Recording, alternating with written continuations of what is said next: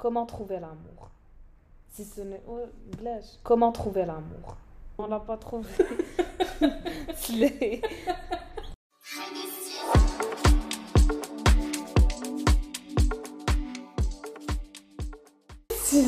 On va le dire. le dis sur ton micro toutes les deux هذا épisode ما عنده حتى شي علاقه بلي زيبيزود الاخرين حيتاش فيه لميا بن مالك ذا كوين حيتاش فيه؟ لميا بن مالك. اليوم لميا ماشي guest اليوم لميا co-host and for Yeah. the first time in this podcast. وعلاش هاد الشيء لميا؟ Podcast وعلاش هاد الشيء لميا؟ اليوم غنهضروا على الحب المغربي dans un contexte marocain حيت سي لا سان فالونتين وقررنا أن نديروا هاد ليبيزود سبيسيال باسكو period. آه، أنا نقول لك شنو هو الحب بالنسبة لك لميا؟ نقول لك شنو هو الحب بالنسبة لك لميا؟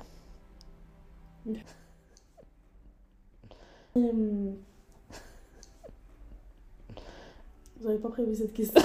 Tu dois te libérer Lamia des freins socio-culturels related to love. Lamia des freins وهذا الشيء علاش تجمعنا حنا أصلا اليوم لحقاش اللي نتوما ما عارفينش هو أنني أنا ولميا اون ايم دو لا ميم فاسون هادشي بصح. اون ايم دو لا ميم فاسون وي لاف ا لوت صح يا Oui. توتالمون وي لاف ا لوت وكنبغيو كلشي كبير بزاف فازي في اون ترانزيسيون بور بارلي دو هذيك اللعبه ديال لو ريغار كولونيال En fait, euh, la vérité, on a eu l'idée de ce podcast parce que déjà on s'est dit que le sujet du Hub Maghribi était un beau sujet, qu'il fallait lui rendre ses lettres de noblesse. Et en plus, euh, on a estimé qu'il fallait se réapproprier. Donc dans cette optique de se réapproprier l'amour marocain, on s'est dit que ce serait pas mal de porter un œil critique comment on voit le dans notre société, culturellement, quelle est la portée du hub, etc. Euh, et donc, moi j'ai fait un petit travail d'analyse. Et euh, j'en ai déduit qu'il y a un regard euh, dans notre société sur l'amour qui est un regard colonial et un regard aujourd'hui mondialisé. Alors je vais commencer par le mondialisé parce que à mon sens, c'est celui qui pose le moins de problèmes, c'est le moins problématique. روم كومز Yeah. هابي اندينز Mhm. جندر رولز كل المرأة عندها هاد لي رول في الحب والراجل عنده هاد لي رول في الحب والى الراجل ما عمرهمش ما غاديش يكون الحب دونك الى موان سا فام ولا هيز بارتنر ولا هادشي I think this is uh, her, his partner ou le. I think this is. Uh, ouais, absolument. Et il y a, y a, vraiment, quand tu dis gender roles, il y a vraiment le, le truc d'elle, euh, surtout maintenant avec TikTok et tout, je vois plein de vidéos de, de jeunes qui disent ça en mode euh, s'il ne t'offre pas ça, ça, ça, alors mm -hmm. ne t'aime pas. Il y a vraiment un, un, rapport très fort à la consommation maintenant. Donc on va consommer des séries sur l'amour qui vont nous donner. Bah, euh, une idée de ce qui est censé être l'amour. On va consommer beaucoup de choses juste par amour, vraiment. Et on, on s'en fiche maintenant de, de l'attention, c'est-à-dire la symbolique d'un cadeau, c'est plus le cadeau en lui-même. surtout le cadeau que tu vas poster sur Instagram pour dire Exactement. شوفوا شنو جاب لي الشخص اللي كيبغيني Exactement, شوفوا شنو جاب لي الشخص اللي كيبغيني exactement, euh, c'est Instagrammable, Hellword, genre donc les, tout le monde a maintenant reçoit les mêmes fleurs, donc les Mm. fleurs rouges là. rouge في البوكس Exactement, Mm. tout le monde reçoit les mêmes trucs, Pandora. Les... Donc, euh, vraiment, il y a, il y a le truc de l'impératif de nous consommer. Et aussi, il y a le regard colonial. C'est celui que je trouve le plus problématique parce qu'il est très insidieux. Il est, il est, il est très, très difficile à. J'aime plus trop ce terme, mais déconstruire. Yeah. Et euh, en fait, euh, moi, quand je fais une introspection, je réalise que hum, même moi, mon rapport euh, à l'amour marocain, il a souvent été très influencé par euh, le regard colonial, où on, a, hum, genre, on estime dans l'imaginaire collectif que parfois, le hub, euh, ماشي شي حاجة ديالنا. الحب Mhm. الرومانسية سي شي عيب. حاجة ديال الكور. سي مم. سي ديال اه خايب ماشي ديالنا ماشي في التقاليد ديالنا ماشي في زعما سي با دون نوتر كولتور سي شي حاجه ديال euh, les gens western, ديال de west. Mm. Et, et, euh, et donc, euh, genre, on a toujours euh, bah, deux schémas qui reviennent le plus la fiction et les romans et tout. Il y en a que j'ai j'ai décelé deux grands schémas. Tu me dis si, si tu trouves que c'est ça aussi. Il y a le premier schéma où, du coup, c'est c'est l'homme qui représente un peu l'homme indigène, l'homme arabe, je dis arabe, I know. We can't, you can't cancel us. On n'est pas arabe, mais vous avez Yeah, we can't, you can't cancel us. Yes, like We are politically correct, yeah. Et donc, t'as l'homme indigène qui représente le barbare, le. Il lave pas son visage. Il est méchant, il. Il lave pas son visage. Entre autres, oui. Et t'as la femme, donc arabe, marocaine, maghrébine, même si j'aime pas le terme maghrébine, qui est soumise, qui est euh, sensuelle, euh, désirable, euh, mais qui veut s'émanciper un peu de, de son homme. Ça, c'est dans la fiction surtout white pleasing. Yeah. On sait de quel film je parle. Oui, mais donne des asma. c'est pas. Et, et même les romans. Il y a des romans marocains qui parlent tout le temps euh, d'une femme marocaine qui veut s'émanciper, qui trouve pour amant un français ou un blanc, Mm. tu vois. Donc euh, toujours il y a ce rapport très péjoratif à l'homme. He's not like other hommes. Marocain, ouais. Bien sûr. He's not, he's not like other He's better, men. he's better. ça, Yeah, bien yeah. sûr, ça on n'en parle pas. Là, je parle vraiment du regard colonial dans les sociétés arabes. On fait partie des sociétés arabes. C'est un terme qui regroupe euh, toutes les, toute la région Middle East, North Africa, même si on n'est pas arabe, je le répète une dernière fois. Et d'un autre côté, tu as le schéma qui est plus fréquent chez nous dans la fiction marocaine, où parfois c'est l'homme qui est nia, gentil et tout, et c'est le mra qui est frita, euh, matérialiste, sahara, je note en plus sahara, euh, le flow, c'est tout, elle fait des coups bas. Euh, et la femme étrangère, elle est gentille, elle est, elle est mignonne. Euh, et surtout, il y a un truc qui, qui me dérangeait aussi beaucoup, c'est que parfois on a l'apologie de la mixité, donc de part et d'autre, tu vois, où euh, genre on présente ça comme un truc de ouf, euh, gage de modernité et tout, alors que dans les faits, enfin, do your thing, mais il n'y a pas de quoi en faire l'apologie comme quelque chose de hissin, tu vois. Et, et en plus, que ce qui m'énerve, c'est que nous, on est heureusement, on est une génération, on se réapproprie beaucoup notre culture, nos codes et tout. Et euh, on a compris qu'en fait, euh, l'amour, c'était très répandu aussi dans, notre, dans nos registres à nous, dans nos pays.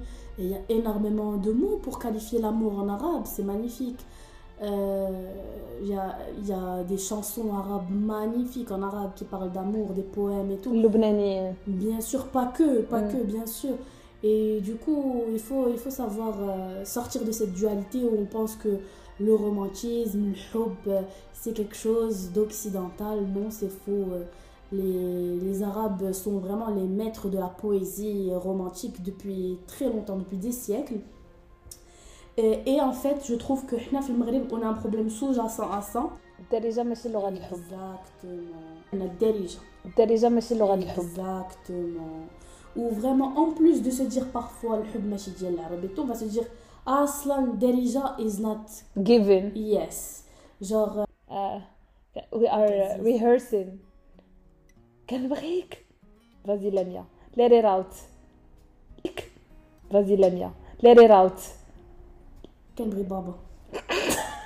Slay. Il va écouter Understandable. ce podcast hier et on a like yeah.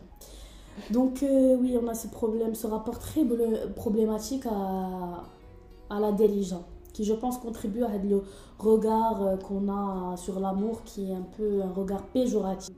يس وهاد هاد اللعيبه اللي قلتي ديال سي ان روغار بيجوراتيف سي سال سي مسخ مسخين حشومه ما مربينش الناس اللي كيتحابوا في الزنقه ما مربينش اي انا بالنسبه ليا سي هذا القمع جوغ سي اوبريشن انسان you can't have love so you hate people who love Yeah. publicly so you hate people who love Yeah. publicly En parlant de, de, de- d'espace public, Mhm. c'est un sujet hyper intéressant et je voulais qu'on en parle aussi.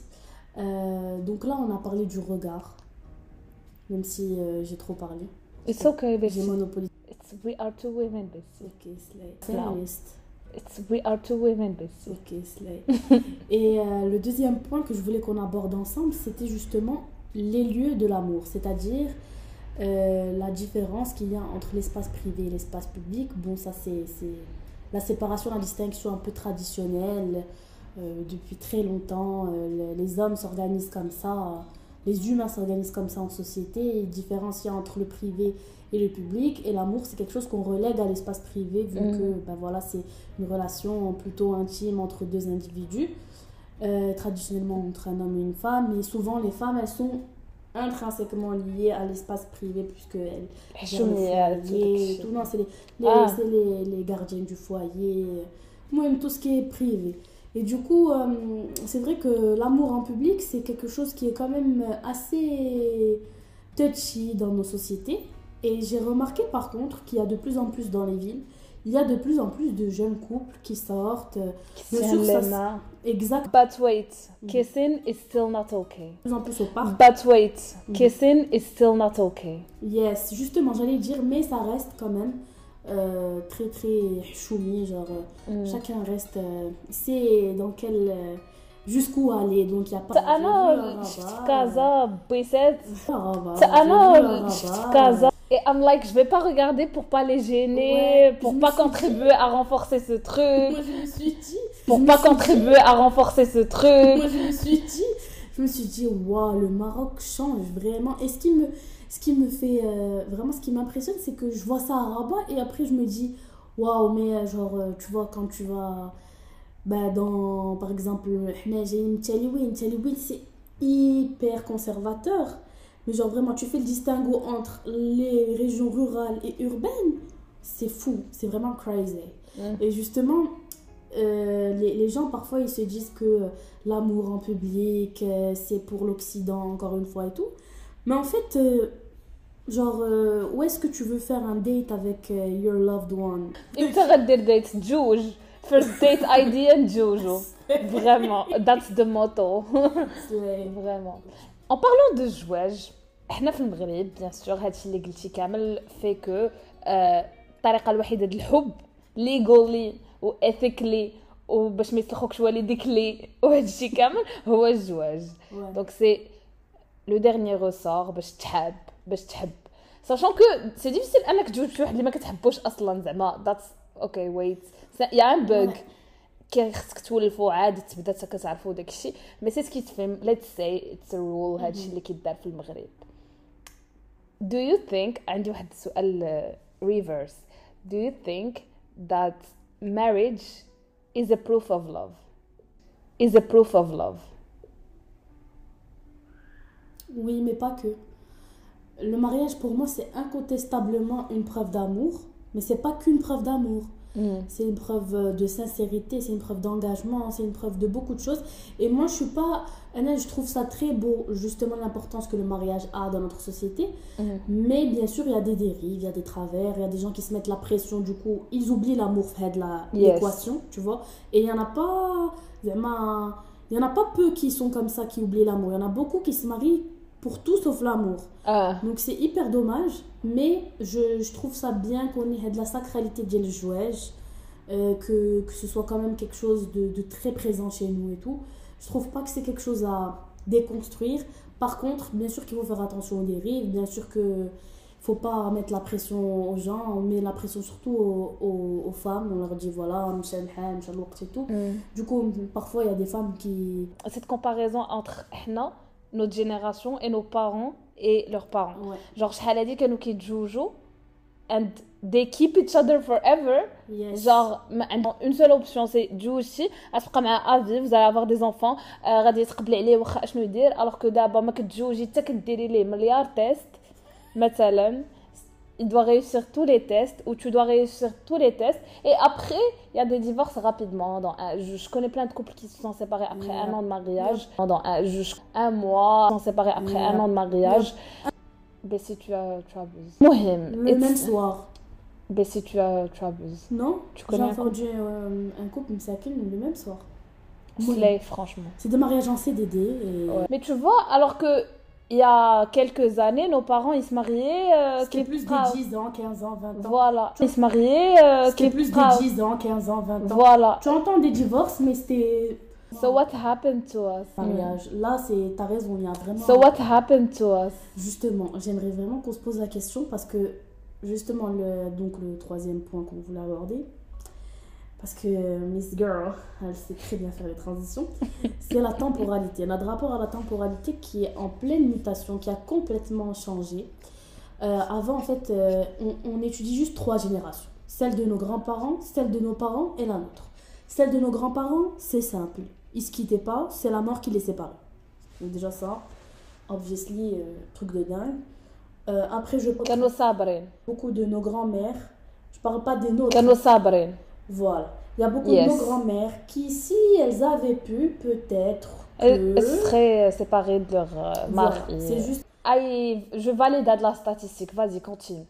Aïe, je valide de la statistique, vas-y, continue. Mais il y en a beaucoup, vraiment, bro et tout. Et oui, c'est bien d'être sbara, mais il y a des limites. Parce que parfois, moi, j'ai entendu des histoires. Il en va de la dignité humaine, parfois. Euh, et la génération de nos parents, il y avait moins هادشي ديال نصبر على كل donc euh, c'était quand même euh, plus on va dire moins dépendante de nos papas. Donc, euh, ne serait-ce que genre euh, psychiquement, tu vois. Donc, il y a, y a eu l'éveil, il y a eu de plus en plus de divorces parce que c'était devenu aussi plus facile du fait de la loi post-2004. Donc, forcément, il y a eu plus de divorces. Et en plus, les gens. Les... Ouais. نسويات مطلقات il y a de plus en plus de مطلقات c'est à cause de du féminisme et tout ouais. Alors que, euh, au contraire, let's work on the issue, c'est-à-dire les relations. C'est-à-dire pourquoi les relations, elles ne marchent pas. Parce mm. que, parce que, ben, il y a plein d'hommes qui n'assument pas leur rôle, c'est-à-dire en tant que conjoint, pas en tant qu'homme. C'est-à-dire, on va au-delà de ça. En tant que conjoint, ils respectent pas. On entend plein de, d'histoires de, tromperie, d'infidélité, euh, des trucs. Vraiment, c'est de l'humiliation. Euh, donc, forcément, il y a beaucoup de femmes de la génération de nos parents qui ont dit ok ciao ciao period period من الديت الاول كنبداو نقولوا فيرست ريد فلاج سكند ريد فلاج دقك هادي كندخلوا كنستولكيو اوكي باي بيتش هادي كندخلوا كنستولكيو اوكي باي بيتش mais je pense vraiment qu'on a un problème à la temporalité parce qu'on est la génération de l'instantanéité mm tout est instantané chez nous, tu vois même. Yes, it ruined us. J'utilise uh, dating apps, tu vois. Yes, it ruined. C'est un catalogue, mais en fait euh, le concept c'est d'avoir des gens euh, que tu connais pas, tu fais savoir et tu défiles un catalogue. C'est AI like a Black Mirror episode. Un catalogue. C'est AI like a Black Mirror episode. En vrai quand tu réfléchis c'est grave dystopique, genre vraiment on dirait un film d'horreur un peu Black Mirror vraiment. Alors que moi au début c'est-à-dire ce que j'en pensais au début I was like oh là là mais c'est grave ici mais j'ai des gel et tout et je me rappelle j'avais fait une story Instagram vraiment pas gentil j'avais dit she's not like other girls jamais les gens qui utilisent dating apps she's not like other girls yeah you're gonna get married زواج زواج الوالدين like you're gonna get married yeah like, like il y a une, une jeune femme qui m'a écrit qui m'a dit euh, bah moi j'ai rencontré mon j'ai rencontré mon mari comme ça euh, euh, ça se fait pas ce que tu dis et tout et après je me suis dit c'est vrai que c'est méchant ce que je dis genre déjà c'est j'ai mis un jugement de valeur j'ai pas à le faire et en plus euh, bon peut-être c'est le truc de, de notre génération donc après je me suis dit en vrai c'est normal et ça détruit les rapports in real life because imagine كاع داكشي ديال rom coms اللي انا كنموت عليه ديال tu rencontres quelqu'un dans la vraie vie vous faites le eye contact tu analyses son outfit, tu analyses comment il parle, comment il rigole, comment il se porte, هذا وداك الشيء عاد كتشوفي واش غادا تغامزوا ولا غادي تهضروا ولا vous allez échanger les numéros هادشي ما بقاش genre انا بعدا recently like the past two years ما بقيتش كنشوف هادشي genre تخرجي وتلاقي بشي حد in real life you meet someone for the first time in real life So, and I think it's because les gens ont automatiquement l'option facile de trouver un catalogue près de personnes mm. qui éventuellement seront prêtes à se mettre en couple que they got lazy to look in real life. Exact. and so no one looks at you back in the eyes life. Exact. and so no one looks at you back in the eyes. Littéralement. Et en plus c'est moi je trouve qu'on est même plus loin. C'est vraiment l'avènement de, de, du règne de la situationship les dating apps, elles ont vraiment amplifié ça. C'est-à-dire que maintenant, les. les de labels. Même plus de, de se mettre ensemble. De labels. Ouais. C'est-à-dire, uh, you just uh, go with the flow.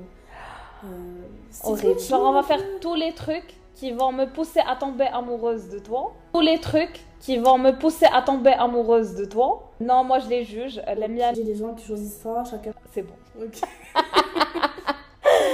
C'est bon. Ok.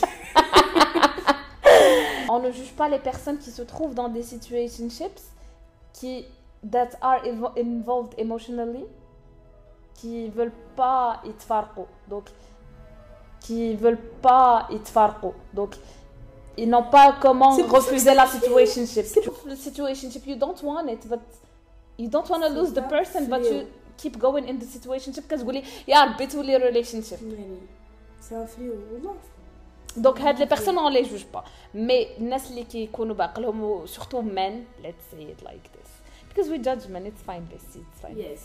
it's fine we judge the men who choose situationships because they are incapable of love incapable of emotions آه، خصكم آه، therapy حيت الحب زوين بزاف آه، من بدايه البودكاست on devait le dire on devait dire que الحب زوين حب ماشي عيب. والحب أجمل حاجة تقدر تكون ولي سونتيمون ورومانس وداكشي كيوت وكل شيء حب مغربي. والحب المغربي 100% بلا جندر رولز بلا حتى شي حاجة بلا ف... بلا طومبورال شنو قولي قولي داكشي اللي كنتي كتعرضي عليا من الصباح تلفت المعلومات الحب مغربي 100%. C'est bien. الحب مغربي 100% زوين. ديال والدينا وديالنا. وباي كونتكست من غير جداواتنا اللي صبروا نسامحوا لهم باسكو تما كانوا كيت الهوب وما تبقاوش تفكروا في سيتويشن شيبس Yes. Il n'y a pas plus beau que, que les histoires comme ça d'amour euh, qui perdurent.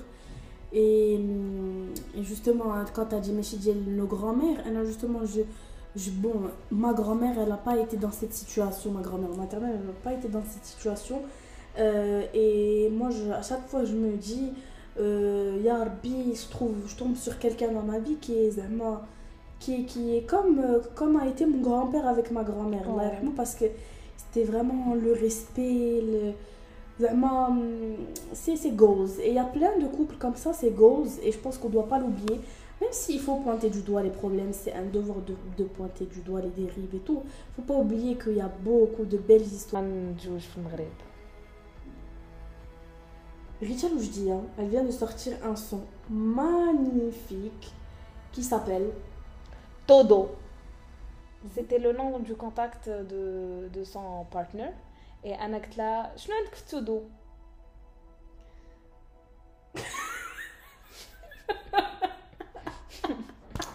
Yeah.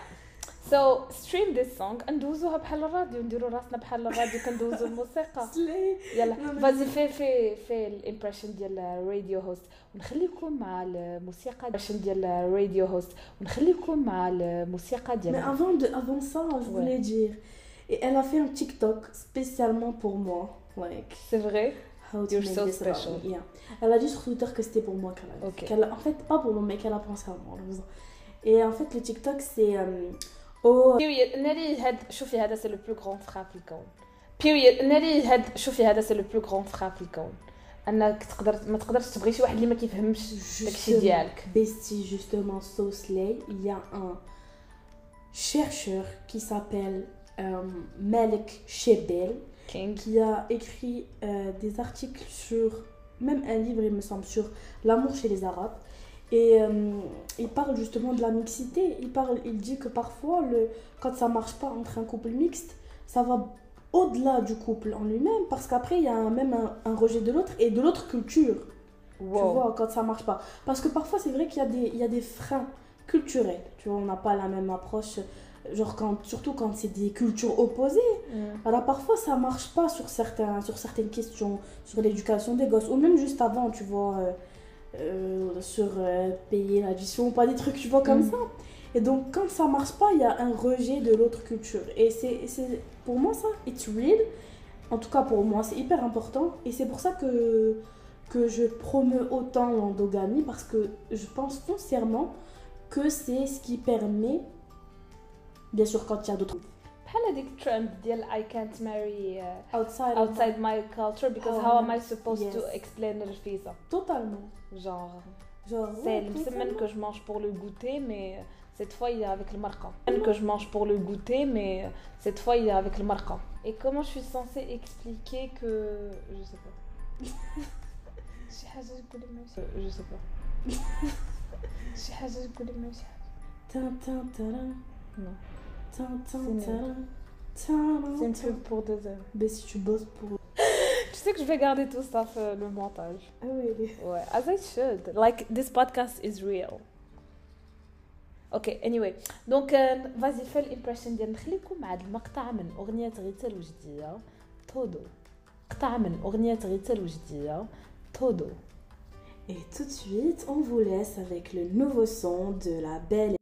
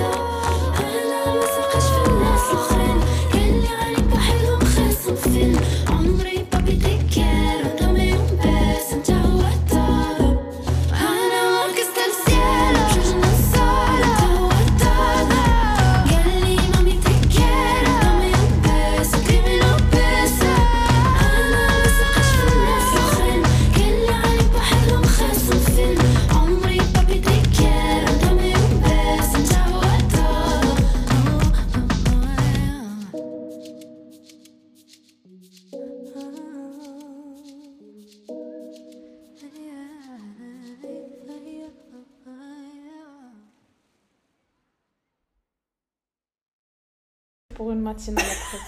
Genre, c'est vraiment the perfect match. Et tout de suite, رجعنا لكم اعزائي المستمعين مع لميا بن مالك في البودكاست اللي على الحب بودكاست مغربي 100% كيهضر على الحب المغربي 100% على الحب بودكاست وي. فريمون وغنليبيغيوكم من صراحة عمرناكم بالحب نعمروهم بالحب هاد الابيزود وغادي نساليو ليهم بقصيده شعريه شعريه لايك حيت حنا كنبغيوكم وغنبغيو course. نسمعوكم ابيات شعريه حيت حنا كنبغيوكم وغنبغيو نسمعوكم ابيات شعريه بالفرنسيه Ça veut dire les vers, vers, des vers. Ben non, Richard va le faire en français. Ouais, Hmm, ok. Mais il faut que tu précises que c'est une marocaine. vas-y. Et pour conclure en beauté cet épisode spécial sur l'amour, on a décidé de vous concocter une petite surprise Qui est ma sœur à une jeune marocaine splendide, Qui est ma sœur exactement, euh, qui est pleine de talent et qui nous a pour la lueur de tes yeux et le charme d'un geste vague, pour la splendeur de nos aveux, à l'aube que la rosière enchante, pour une caresse, pour l'étreinte, je t'écrirai. Je t'écrirai des mots, des vers, des contes, fabuleux pourtant réels, que les fleurs ternes, mortes, à les entendre éclosent, belles, nos corps, comme l'eau remuante, fidèle à ses bords, se mélangent, se découvrent par la passion qui les parcourt à flot, par l'amour agile. Vous pouvez trouver ces poèmes sur la page Instagram Bruine. غنحطوا لكم اللين داكشي اللين ديال غير تلف ديال اللين ديال آه، لا باج ديال لا بويزي وهادشي كامل واللين ديال الانستغرام ديال لميا بن مالك سورتو باسكو يا وي وانت تو بي انفلونسرز تو باي رنت اند تو ليف فور فري اند تو كيب دوين بودكاست Yes. سي سكون فو بيسي ياك Bien sûr. Voilà. Donc, euh, follow us and keep loving people. Love with all your hearts. And keep loving people. Love with all. أنا كنبغي كلاميا. Yes. We love you. We love you. أنا كنبغي كلاميا. حتى انا كنموت عليك كنحبك ونموت عليك كنتسطى عليك. Tu sais, ça, c'est ce que me disait mon père quand j'étais petite. Et quand je devais imiter chaque personne de ma famille, je disais à chaque fois, genre, euh, telle personne, elle me disait ça. Et à chaque fois, il me disait, Yalla, diri diri baba, je disais, تنحبك ونموت عليك. C'est vraiment genre Oh, la impression phrase. of love. Ouais, c'est la phrase de mon père. Donc, Euh, on leur fait un exercice pour, euh, pour euh, apprendre à dire je t'aime. Euh, pour euh, apprendre à dire je t'aime. exercice pour la semaine prochaine. وصراحه صيفطوا هذا البودكاست لشي واحد كتبغيوه. باش في الآخر البودكاست يعرف باللي كتبغيوه. تبغيوه باش في الآخر البودكاست يعرف باللي كتبغيوه. bonne c'est- idée. فوالا دونك إلا وصلك هذا البودكاست من عند شي حد عارف راه كيبغيك. وصافي هادشي اللي كاين. وبقاو تحابوا في الزنقة عافاكم. اتس نوت كريم